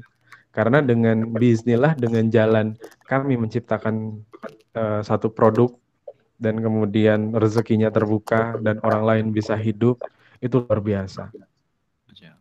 Kami Itu ada berpikir Itu satu jenis aja ya Mas Teddy ya? Jenis sambalnya? satu jenis. Ada berapa varian? Eh, sambelnya ada lima jenis. Ada Hmm, original, kemudian ada sambal teri, sambal tongkol, rebon, dan cumi. Best sellernya sambal cumi, Mas. Oh, biasanya sambal cumi ya. Cumi Iya. yang baby cumi. Nanti aku minta alamatnya ya, Mas ya. Aku mau ngasih kirim ke sana. Siap. Nanti untuk dicobain, di review. Kali aja Mas mau jadi marketer saya kan boleh, Mas. Ya gitu, Mas. salah satu strategi ya. Iya. nah itu itu sukses story yang uh, menurut saya dan keluarga yang tidak terbayar dengan uang adalah ketika orang bisa hidup dengan usaha ini. Gitu. Hmm. Kami sendiri terus terang sebelumnya ada hutang yang harus terbayar, alhamdulillah sekarang bisa menyicil dengan uh, usaha ini. Sampai malam ini pun sebenarnya kami udah close order. Jadi kami baru bisa melakukan pengiriman itu perkiraan hari Selasa. Jadi produksi untuk Sabtu Ahad itu sekitar 200 botol. Biasanya kita produksi harian cuma 20 botol. Sekarang Sabtu Ahad kita target 200 botol. Tercapai ya Mas ya. Alhamdulillah. Alhamdulillah tercapai. Tinggal gimana? eh, semuanya kembali ke manajemen. Uh, ada satu yang mungkin bisa jadi eh, apa namanya bisa jadi jalan untuk teman-teman yang masih bingung untuk berwirausaha. Dulu sempat sempat nggak sengaja ketemu dengan salah seorang eh, dosen yang bekerja di DV- DVI Polda Jabar bagian identifikasi eh, apa namanya eh, mayat ya. Ya. Eh, dia bisa mengidentifikasi jari tangan, sidik jari. Ya. Nah, yang diidentifikasi itu adalah psikologis. Dia mengatakan sembilan kuliah itu salah jurusan. Kenapa? Pertama dia kuliah atau sekolah ya, sekolah karena keinginannya. Kedua karena dorongan orang tua. Ketiga karena uh, banyak teman-temannya di situ. Keempat karena nggak ada pilihan lain.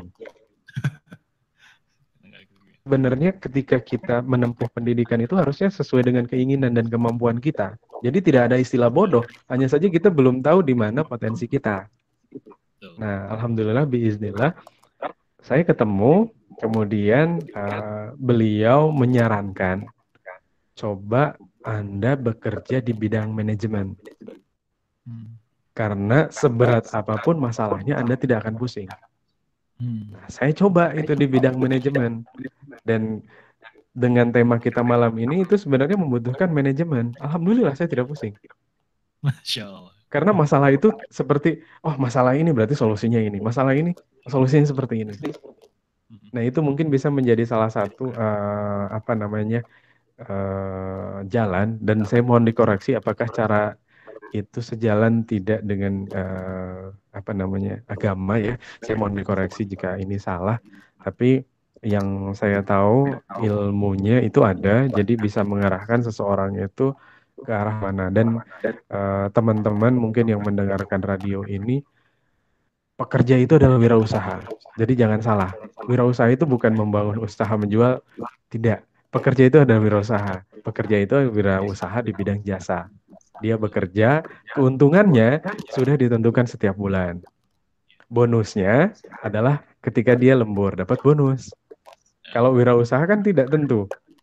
Rezekinya gimana gimana Allah lah. Tapi kalau pekerja itu keuntungannya dia menjual jasa dia ke perusahaan dan perusahaan bayar itulah keuntungannya.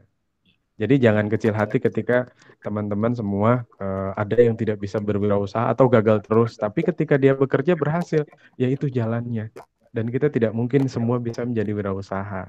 Harus ada yang jadi pekerja. Betul, luar biasa. Ya sama halnya seperti Mas Deksa ya.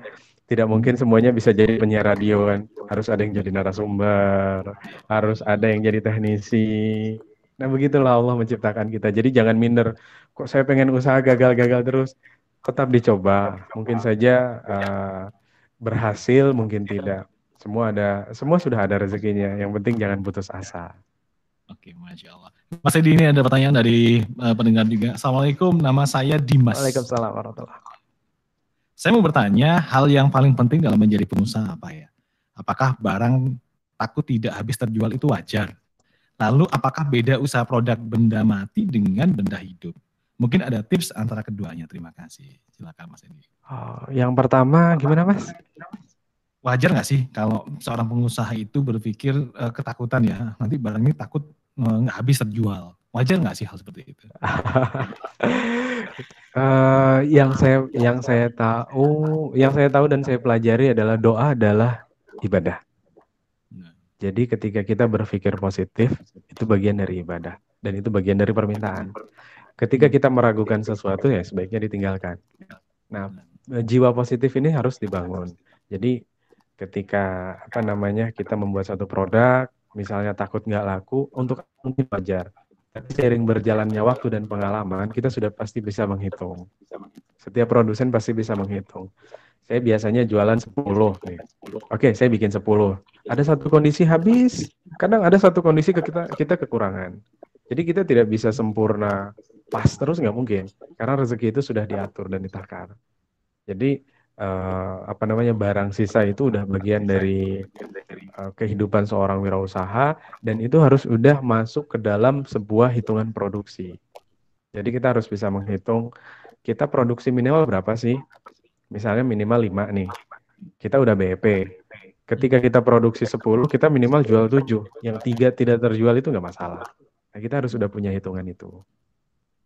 Nah, kita tahu dari mana? Kita tahu ketika kita produksi sendiri, dan uh, jualan.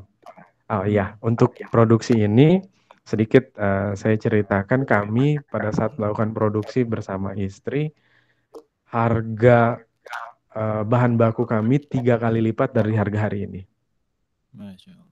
Dan pada saat harga tiga kali lipat produksi kami tinggi, permintaan tinggi. Dan pada saat harga seperti ini produksi stabil. Ya, ya. Jadi jangan takut harga naik dan ketika kita terjun ke pasar, kita otomatis hal pertama adalah kita dapat harga mahal. Pengen dapat harga murah, sering aja ke pasar.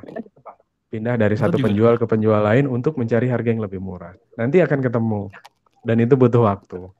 Jadi tidak bisa instan. Wah, saya biaya produksi bisa ditekan nggak bisa. Harus berjalan berjalan dengan eh, apa namanya pengalaman terus menerus itu kita akan mendapatkan jalannya sendiri. Mudah-mudahan bisa membantu ya eh, jawabannya. Yang keduanya apa ya Mas tadi? Yang keduanya beda nggak sih kalau kita berbisnis dengan benda mati dan benda hidup? Benda mati, Ya. benda hidup ini eh, saya kurang mengerti. Mungkin benda mati itu seperti baju ya, bisa dikategorikan baju. Benda hidup itu mungkin Ternak kali ya. Ternak kali ya. Tapi eh, istilah mungkin yang umum kalau di para penjual benda mati itu adalah benda yang selain makanan karena asumsinya eh, ketika saya berjualan benda mati nggak laku dia nggak basi. Jadi resikonya lebih kecil. Eh, ini kemarin sempat ke teman-teman yang produksi fashion ada salah satu alasan kenapa eh, dia pengen usaha itu karena memang resikonya kecil. Tapi sebenarnya sama aja. Kalau makanan tidak laku, kita bisa makan. Kalau baju tidak laku kan tidak mungkin kita pakai kan? Nah, resikonya sama. Gitu. Jadi eh, tinggal kembali ke kita. Tadi kita lebih seret usaha yang mana? Peluangnya lebih ada yang mana? Untuk mencari peluang sendiri sebenarnya bukan datang dari kita pribadi, harus datang dari luar. Ketika contoh, ketika kita kumpul dengan teman-teman, kita cerita, kemudian teman-teman lagi kesulitan, saya lagi butuh kain, jenisnya ini, kemudian kita tahu tempatnya di mana. Oh boleh deh, saya ada teman, saya cariin ya. Harganya berapa? Nah, bisa mulai seperti itu. Manfaat kita berkumpul dengan teman-teman sesama wirausaha, nah akan keluar ide-ide seperti itu. Jadi nyari idenya selain kita berikhtiar dengan berdoa, kita juga berkumpul dengan teman-teman yang eh, para pengusaha. Jadi bisa nantinya bisa menentukan saya apakah pilih benda mati atau benda hidup. Saya pribadi lebih senang ke benda hidup karena lebih mudah. Apalagi kalau memang pengen berbisnis ternak, sebenarnya itu kalau memang Anda eh, punya keahlian di situ, itu sangat menguntungkan.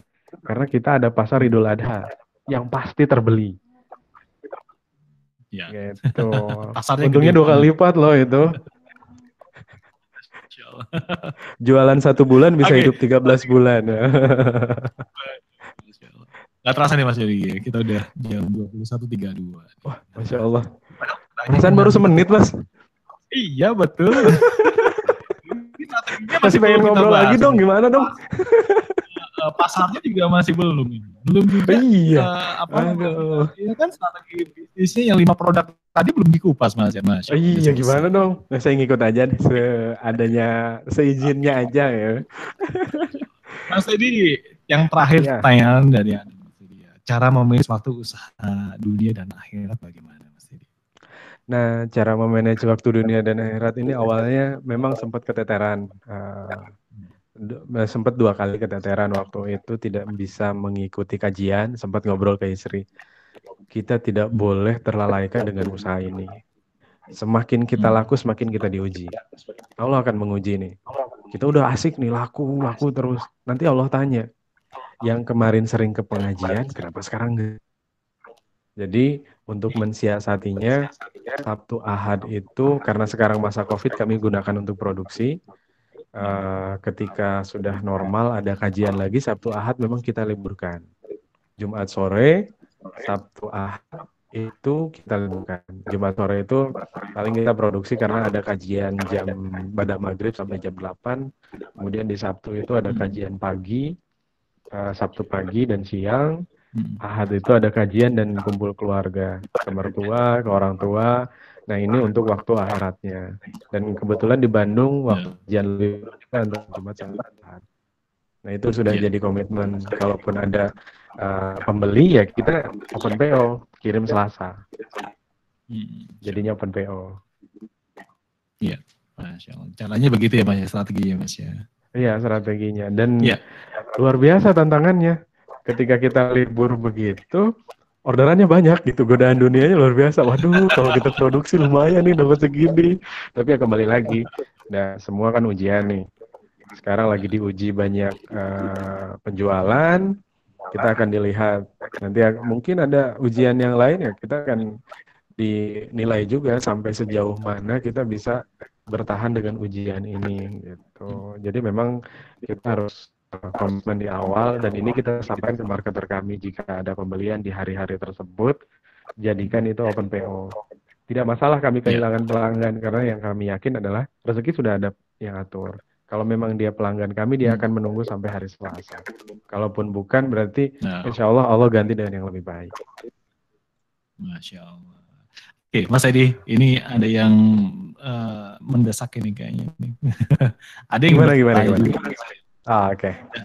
Itu minta tolong dong diceritain bagaimana proses untuk bisa me- apa nih memproduksi eh, dan bisa membuat beber- ber- beberapa varian, beberapa varian, Mas Edi. Mungkin bisa ceritakan Oke. sedikit. Silakan, Mas Edi. Prosesnya Proses awalnya kita Awal kami cuman ah ya. Awalnya kita cuman bikin varian itu varian eh, tongkol dan cumi. Tongkol Tanpa sengaja eh, tanpa sengaja dan melihat pesaing-pesaing kita, ya udah deh kalau cuman bikin dua kayaknya variannya kurang. Kita bikin lima aja. Itu mah ter- terlintas aja tanpa ada referensi terlintas ya udah kita bikin lima aja. Jadi konsumen nanti ada pilihan gitu yang nggak suka sambal ini bisa pilih yang lain. Eh, dari situ kita produksi. Awalnya keteteran mas, bagi waktu. Hmm. Pertama ketika habis produksi kita harus produksi banyak banget dengan lima jenis, membutuhkan lima tempat berbeda, lima tempat masak berbeda, lima jenis eh, apa namanya bumbu berbeda itu lumayan. Belum lagi kalau habisnya bersamaan di tengah pekan, nah itu lumayan. Tapi seiring berjalannya waktu dengan ritme yang sudah dipelajari, alhamdulillah bisa bisa tertangani. Dan lima lima jenis ini kami pertahankan, mengingat jika kami tambah jenis yang lain itu akan menyulitkan uh, pihak produksi. Di Hmm. saya pribadi akan kesulitan. Kesulitannya adalah akan besar modal di awal. Jadi tetap bertahan walaupun banyak yang minta pengen sambal ini, tambahin sambal ini. Nah, bertahan saja dulu alhamdulillah sampai nanti modalnya terkumpul, manajemennya diperbagus baru kita mengembangkan lagi. Strateginya begitu ya Mas ya, Insya Allah. Ya, Gitu. Dari sekian banyak sambal itu, eh, apakah artinya di sini kan dari sisi produksinya berbeda, dari sisi Iya. bahan juga berbeda, ya kan? Ya, Tingkat resikonya, tingkat errornya juga berbeda, tingkat basinya juga terjadi beda gitu ya Mas ya. Itu betul, bagaimana Mas? betul. Eh, kita ngambil tingkat basi yang paling pendek. Ah, Jadi kategori kita masuknya ke kategori frozen food. Jadi ketika produk kami berada di luar ruangan dengan suhu yang beragam akan tahan 4 sampai 7 hari. 4 sampai Tergantung suhu masing-masing tempat dan sirkulasi udara di masing-masing tempat. Paling pendek 4 hari, paling panjang 7 hari tanpa masuk freezer. Ketika kita misalnya sudah dibuka, kemudian masuk fri- eh, kulkas, buka, masuk, umumnya dua pekan sampai satu bulan. Bisa Tapi ya, kalau tidak dibuka, itu sampai tiga bulan Oh, di dalam kulkas. Ya, nah itu eh, ini kita dapatkan dengan uji coba mandiri. Kita eh, kemas terus kita simpan di luar, kemudian kita kemas simpan di dalam, kemudian kita coba dengan Hmm. eh, periodik. Alhamdulillah masih enak. Dan juga kita masuk ketika barang sampai ke konsumen kita tanya habisnya berapa lama, basinya berapa lama. Hmm. Umumnya yang beli itu sehari habis, jadi agak susah mas. Tantangannya itu mas. Ya, berarti langsung Kemarin saya eh, kemarin ada kasus tuh masuk Gimana? UGD, kenapa penyebabnya? mahnya kambuh. Soalnya pagi saya pakai sambal, siang pakai sambal, malam pakai sambal, tiga hari berturut. Komplain dia mas, kok aku masuk UGD? Emang kenapa? Gimana makannya tiap hari? Lah itu salah sendiri makan sambal kok kayak makan nasi gitu. Ya diukur-ukur lah makan sambal jangan terlalu banyak. Nah, jarang ada yang ada sih beberapa satu dua konsumen memang sampai sampai basi dua pekan, tiga pekan itu pasti ada. Tapi umumnya itu kalau belinya sebotol dua botol paling juga tujuh hari habis. Rata-rata begitu ya Mas ya. Iya, yang di Lampung itu ada yang parah mas. Beli sekali beli 20 botol tuh, untuk sebulan katanya. Sekarang udah repeat order dia. Masya Allah. Udah berapa lama itu? Ini udah jalan mau bulan ketiga, Mas. Masya. Kirain kita untuk jualan gitu. Buat siapa? Ini saya sama Ade buat makan aja sehari-hari daripada saya harus ke pasar. Sekarang harga sambal kami itu kan dijualnya 27.000 per 200 gram. 400 gram Sekarang ya.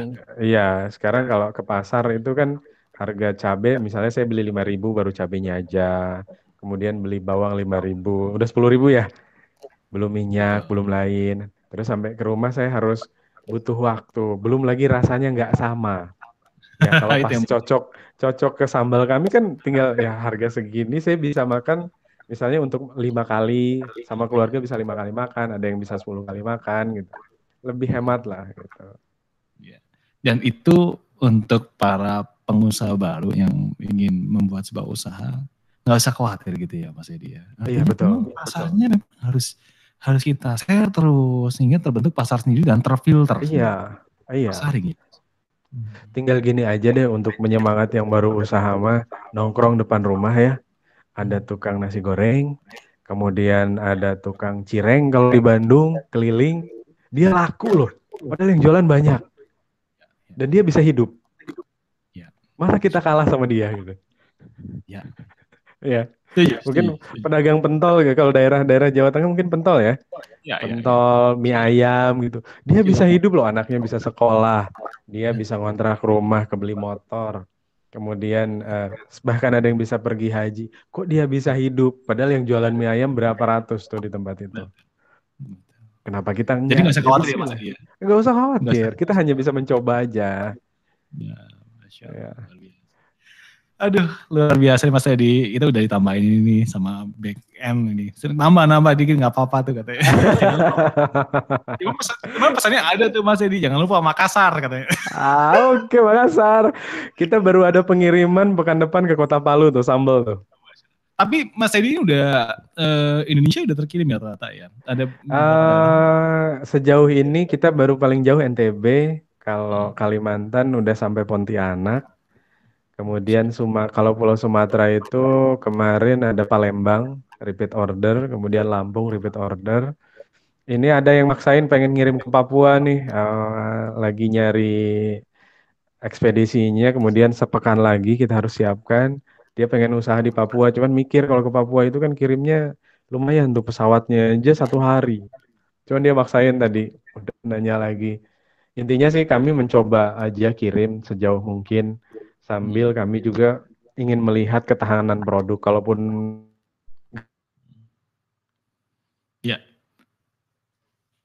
ya Mas Edi terputus sedikit. ya, Oke. ya gimana? Eh, Mas Edi, eh, artinya Iya, iya. memang produk ini bisa diterima dengan banyak lidah dari lidah-lidah masyarakat di Nusantara kita begitu ya Mas Edi ya. Ini yang Alhamdulillah dengan izin Allah itu bisa. Eh, ketika kami membuat ini memang tidak idealis ya. Idealis itu biasanya kalau sambal itu ada yang pedas banget berlevel-level. Terus terang konsumen kami ada yang minta di levelin dong gitu loh. Cuman kami bertahan dengan ya pede dengan ini aja udah cukup berarti dia bukan konsumen kita. Nah kami mengambil rasa yang di tengah eh, anak-anak bisa makan, orang tua bisa makan, yang penyakit mah insya Allah bisa makan. Pokoknya Jadi yang terus-terus. umum gitu. Ya. Dan ya mudah-mudahan nanti bisa ngirim ke sana, nanti WhatsApp ya alamatnya ya. Kita kirimin untuk membedakan rasa sambal kami dengan yang lain gitu. Dengan izin Allah itu apa ya? Punya rasa yang khas lah. Masya Allah. Ini bahasa Sekarang marketing kan- begini. Jangan Ya harus salah. ya. dong. Jadi kan sekalian mengajarkan ke rekan-rekan yang pengen pengen usaha ya beginilah marketingnya gitu. Luar biasa. Jadi ada yang pengen konsultasi, boleh nggak kita akan share nomornya Mas Edi, boleh nggak? Oh boleh boleh. Boleh. Nanti eh, apa namanya silahkan mau nge WhatsApp tapi kalau ada slow respon mohon maaf. Nanti bisa janjian juga kalau ingin eh, via telepon nanti kita atur waktunya silahkan terbuka. Ilmunya insya Allah nggak ada yang disembunyiin. Saya saya dan keluarga ingin berbagi mudah-mudahan ilmunya bisa menjadi jalan kami menuju surga Allah Subhanahu Wa Taala Amin. Silakan Mas Edi kalau mau di share, silakan nomornya berapa? kenapa mas putus mas Ya, mau di share nomornya silakan untuk para oh ya boleh pendengar. 0812 0812 2005 2005 6178. 6178. Saya ulang ya Mas Edi ya 0812 2005 6178. Iya betul. Baik. Oke. Itu nomor telepon dan nomor WhatsApp. Oh, baik kalau begitu. Ya, terima kasih Mas Teddy udah ngasih informasi untuk kita di sini untuk bisa ngasih motivasi untuk semua para pendengar yang rencananya juga uh, pengen menjadi seorang pengusaha gitu ya. Nah, ternyata usaha itu apa pun jalanin mulai sekarang lakukan apalagi sesuai dengan tema kita entrepreneur fresh seller man, why not gitu ya. Bisa jalan dua-duanya. Ya, dan kita yakin harus semuanya bahwasanya rezeki sudah uh, ditentukan oleh Allah. Jadi kita cukup berusaha saja ya. Uh, di mana pun nanti pintu rezeki kalau memang itu sudah rezeki kita akan terbuka entah dari Papua atau kayak order Mas Teddy yang terakhir itu ya. Masya Allah. Mas Teddy terima kasih banyak kalau khairan atas waktunya. Jazakallahu khair sama-sama semoga bermanfaat. Semoga ini ilmunya bisa menjadi ladang jari untuk Anda dan keluarga insya Allah. Amin. Terima kasih, terima kasih Mas Teddy sampai jumpa lagi. Ya. Sama-sama. Ya. Baik. Uh, para pendengar di mana pun anda berada, masya Allah, uh, kita sudah ngobrol-ngobrol dengan Mas Edi barusan ya, yang cukup menarik pembahasan kita tentang wirausaha. Jangan lupa ya, para pendengar radio SI, untuk anda yang ingin mungkin ya, pengen tahu lebih dalam tentang usaha-usaha yang lain, silakan anda simak setiap hari Jumat, insya Allah dari jam 20 waktu Indonesia bagian barat sampai dengan jam 21.30. Itu dia ya. Baik. Saatnya saya dari Sahabat pamit untuk undur diri dulu. Jangan lupa besok insya Allah kita ada bincang uh, bincang sehat insya Allah ya. Nah bersama dengan Radio HSI tetap dengan pembahasan yang nanti akan kita share beberapa jam sebelum kajian. Ya. Baik terima kasih. Saatnya saya pamit untuk undur diri dulu. Subhanakallahumma wa bihamdika asyhadu an la ilaha illa anta astaghfiruka wa atubu ilaik. Assalamualaikum warahmatullahi wabarakatuh. وعليكم السلام ورحمة الله وبركاته. بسم الله الرحمن الرحيم سبح اسم ربك الأعلى الذي خلق فسوى والذي قدر فهدى والذي أخرج المرعى فجعله غثاء أحوى. سنقرئك فلا تنسى إلا ما شاء الله.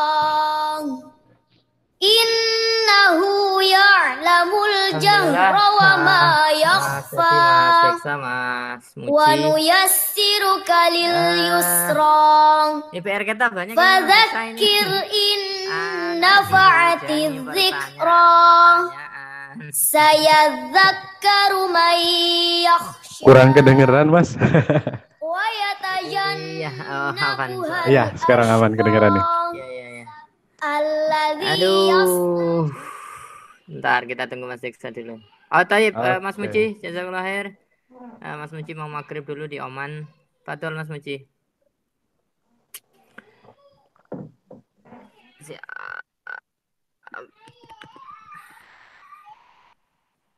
Oh, antum Palu, Mas ya?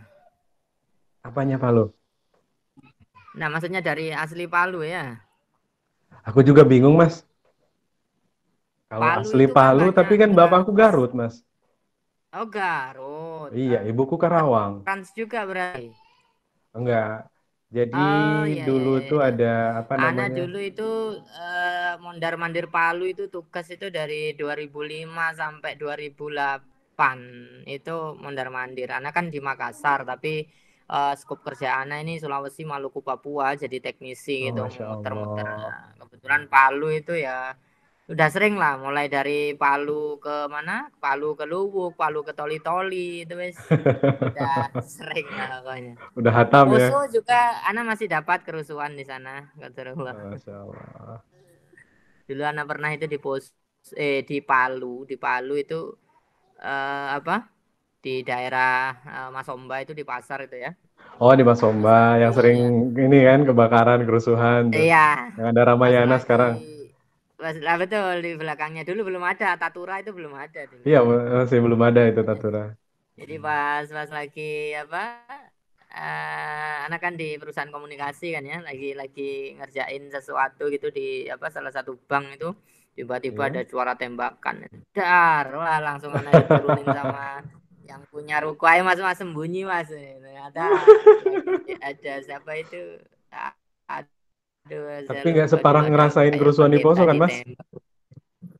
Iya, waktu itu waktu merembet itu alhamdulillah anak uh, eh, apa nggak ke sana. Jadi waktu balik ke Makassar itu tahun berapa ya sekitar nggak nggak bukan kerusuhan Poso yang parah-parahnya itu nggak. Eh, oh. Uh, setelah beberapa tahun itu masih masih sempat kan ada kerusuhan-kerusuhan kecil itu. Jadi ya. waktu anak ditelepon, dikabarin kan ada gangguan. Anak telepon orang PIC di sana, salah satu bank juga kan. Anak tanya Iya, iya. eh jawabnya santai aja mas nggak usah ke sini dulu. Meski iya ini ada ada gangguan eh, terbakar tapi nggak usah ke sini dulu. Nanti ke sini kalau aman. Jadi gitu. Jadi eh, apa sudah sudah aware lah. Sempat tapi anak sempat juga itu eh, sempat juga dari perjalanan dari Palu ke anak mau ke ini ya ke mana? Ke Luwuk Iya. Nah, jadi jadwalnya ke Ampana baru ke Luwuk. Nah, itu lewat situ. Nah, kemudian jadi punya pengalaman itu berangkatnya ke sana itu lewat Poso, baliknya lewat Tentena. Jadi ngerti lah sama sama sama driver ini dikasih tahu ini ini ini ini ini oh ya wes oke oke Luar biasa ya. Tapi Allah banyak memang banyak banyak pelajaran di sana. Salah satunya Betul, eh, betul. apa namanya yang paling berbekas adalah Alhamdulillah Allah masih menyelamatkan karena hampir terjerumus ke JT ya di sana. nah nah Sempat sempat di eh, sempat ikut kajiannya sekitar satu tahun Masya karena merasa merasa kecewa, merasa kecewanya itu dengan salah satu eh, taklid mereka yang menyatakan bahwa selain Muslim itu hara- halal darahnya. Kalaupun kita bunuh Nah, nah. rekan kita yang Nasrani sekarang halal. Sedangkan anak kan dari Poso, terus terang anak selama enam tahun nggak pernah belajar agama Islam di sekolah negeri. Ya. Karena nggak ada guru Islam itu. Kita sekolah satu angkatan kelas 1 sampai kelas 6 itu cuma ada tiga orang orang Islam.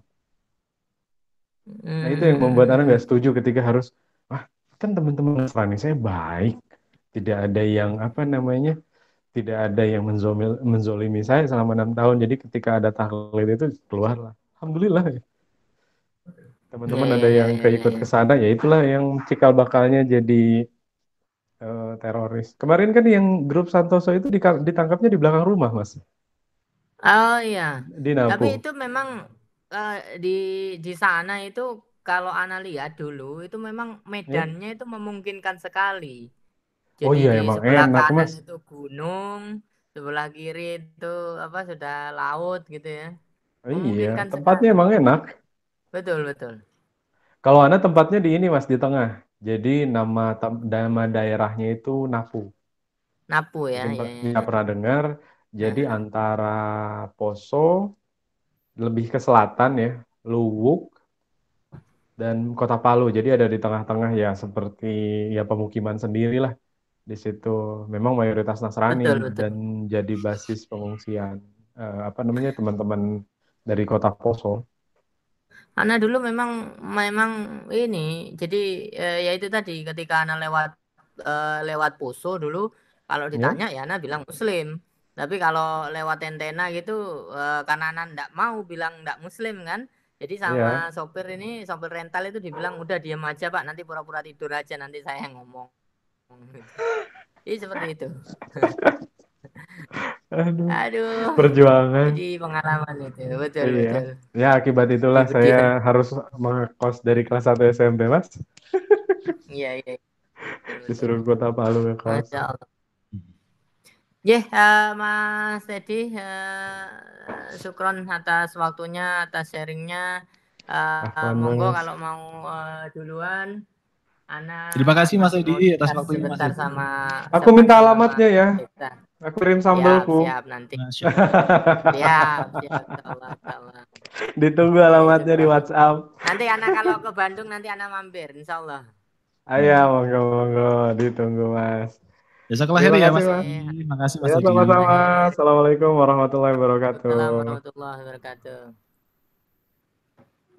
Hancur.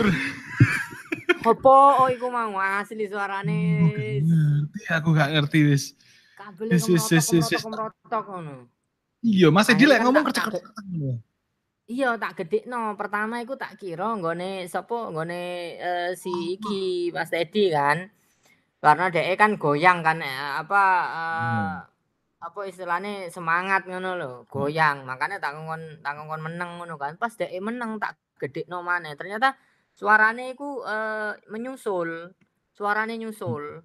Suarane Oh. nyusul kaya iku mau kaya teko dheke mlebu nang kene meeting. Terus meeting mlebu nang anu mic mic-mu nang kono. Nah, akhirnya eh, pas dhek meneng awakmu ngomong bener kayak ngono. Oh, kretek kretek kretek sampai sampai sampai mulai jam piro Mang? Nang kene jam 10. Eh, pokoknya tiga 30 menit terakhir itu ya. Itu eh, setiap host ngomong itu balik mana sing koyok pertama Mang. Mbuh apane Mang. Coba tak gawe no. Aku gawe no room apa ya apa carane iki? Tak trial dhewe mana iki wis. Nggih HP ku coba. Room apa? Iki meet. Oh gawe dhewe ya iso ya. New meeting. gawe dhewe iso cuman iku mau dan dan opo oh mau e, radio ini Probolinggo gak gak gelem up ya sampai suaranya gini gak metu atau suaramu gak, gak iku metu. ternyata aku sempat mm -hmm. wis posisi apa? radio bus itu ternyata dia suka terus dorong radio busnya harus dimati harus anak okay. logo tak coba mau itu anak logo ini broadcasting gitu mm -hmm dipateni tek baru wis langsung melebu. Oh, iki. Tapi wis ujung-ujung ya wis ya baru ya baru ini. Yang tadi kita yang masalah itu yang siang tadi ya iki gara-gara. Mhm. Sing gak iso mlebu Au. iku lho. Iya iya betul betul betul. Nah, gak iso mlebu ya iki. Ngono. Hmm. Jadi lek lek apa jenenge? Tabrakan yo bos karo iki yo. Heeh, heeh, disaut ambek radio bos. Radio bos gak iso mlebu pisan, mergane Sorry, berarti sing tabrakan iki bos karo Sentova iki. Yo, heeh. Oke. Bakal sing- sento- sing ngentek- Siapa pun yang mau pakai. Apa Mas? Hmm, enggak maksudnya sing koyo ngene iki kita harus bahas karo Mas Muji. Maksudnya kapan Sentova iku kudu didukno utawa melaku bos utawa sebaliknya gitu loh. Sudah off wis harusnya sudah. Semuanya harus off Harusnya sudah. Sudah off ya. Cuman iki Harusnya sekarang nang bos kabeh. Iya, wis kudune ngono. Radio bos atau ke sini anunya. Telovani dipateni ya. Pilihannya Hmm. antara radio bos karo Winem sing dek gini. Iki kok ngerosok iki? Enggak iki jelas. Radio maksudmu? Iki apa nih lho? Iya iki jalur browser iki. Iki set set set. Ora. Oh enggak, lek meetingnya ora. Lek lek radio nih cek durung tak cek. Oh nah. Enggak meeting ya, meeting Enggak. Meetingnya ora, aman nang nggon aku. Oh, suaranya apa ya? Iki wis tak set maksimal iki kak kerungu kok suaranya kamu merosot. Kayak sinyal. Ya dalam. Ya berarti ngono berarti wisan. Ah, ah, maksudku gini. Jadi aja aja sepihak, kuatirin kok Mas Muji yo ngerasa pisan iki mau aku lali karo Mas Muji. Hmm. dak e tekon dhisik. Iki hmm. ya apa makane terus mau aku apa tak lebokno pisan niku sekalian. Nah, iki Eh maksudnya Ya, apa, apa. kapan kita bahas Heeh. nggak apa-apa. Oh, Mas Muji prei nggak sesuk ya? Wingi ceritane dek prei ini kapan? Jumat Eh, karo Jumat Sabtu. Sabtu ya? Jumat Sabtu. Cuma Sabtu ya. Nah, lek misalnya ngono sesuk kita jaluk waktu ae dadi eh awakmu kate metu ya? Hmm. Kate metu jam piro sesuk? Mbok. Karo iki. Ditani bayi-bayi iki ono kabare bapak wis. Yang penting tak marino saiki. Konsep iki. Ya wis lah, pokoknya Hmm. lek lek iso engko kita chat karo Mas Muji engko konferen bertiga ya bahas iki seperti apa sebelum aku yo lek iso sadurunge aku meeting karo Mas apa Mas Isan Iya, iya. ya Ibu tak mari nasi wis iki tak mari dhisik, tak garapi dhisik, tak toto meneh coba ya. Tak tahu meneh Pak, siap. Ya. Tak kena konsep. Lah, aku aku lek sesuk iki aku enggak enggak kabotan engko lek misalnya aku gak ono narasumber sesuk tak preikno gak apa-apa engko langsung Hmm. ahad ae Heeh, heeh, heeh. Pokoknya apa apa hari sesuk lah gampang Mas Iya, oke, siap. Iki tak godok Siap. dhisik wis ya. monggo coba dhisik iki wis sistemnya. Ya engko tak kabarin kok ya apa konsepnya nanti ya. Tak wis mari. ya. oke siap ya wis Ya wis, ya tau wis. Ah, Oh, Assalamualaikum Assalamualaikum warahmatullahi wabarakatuh.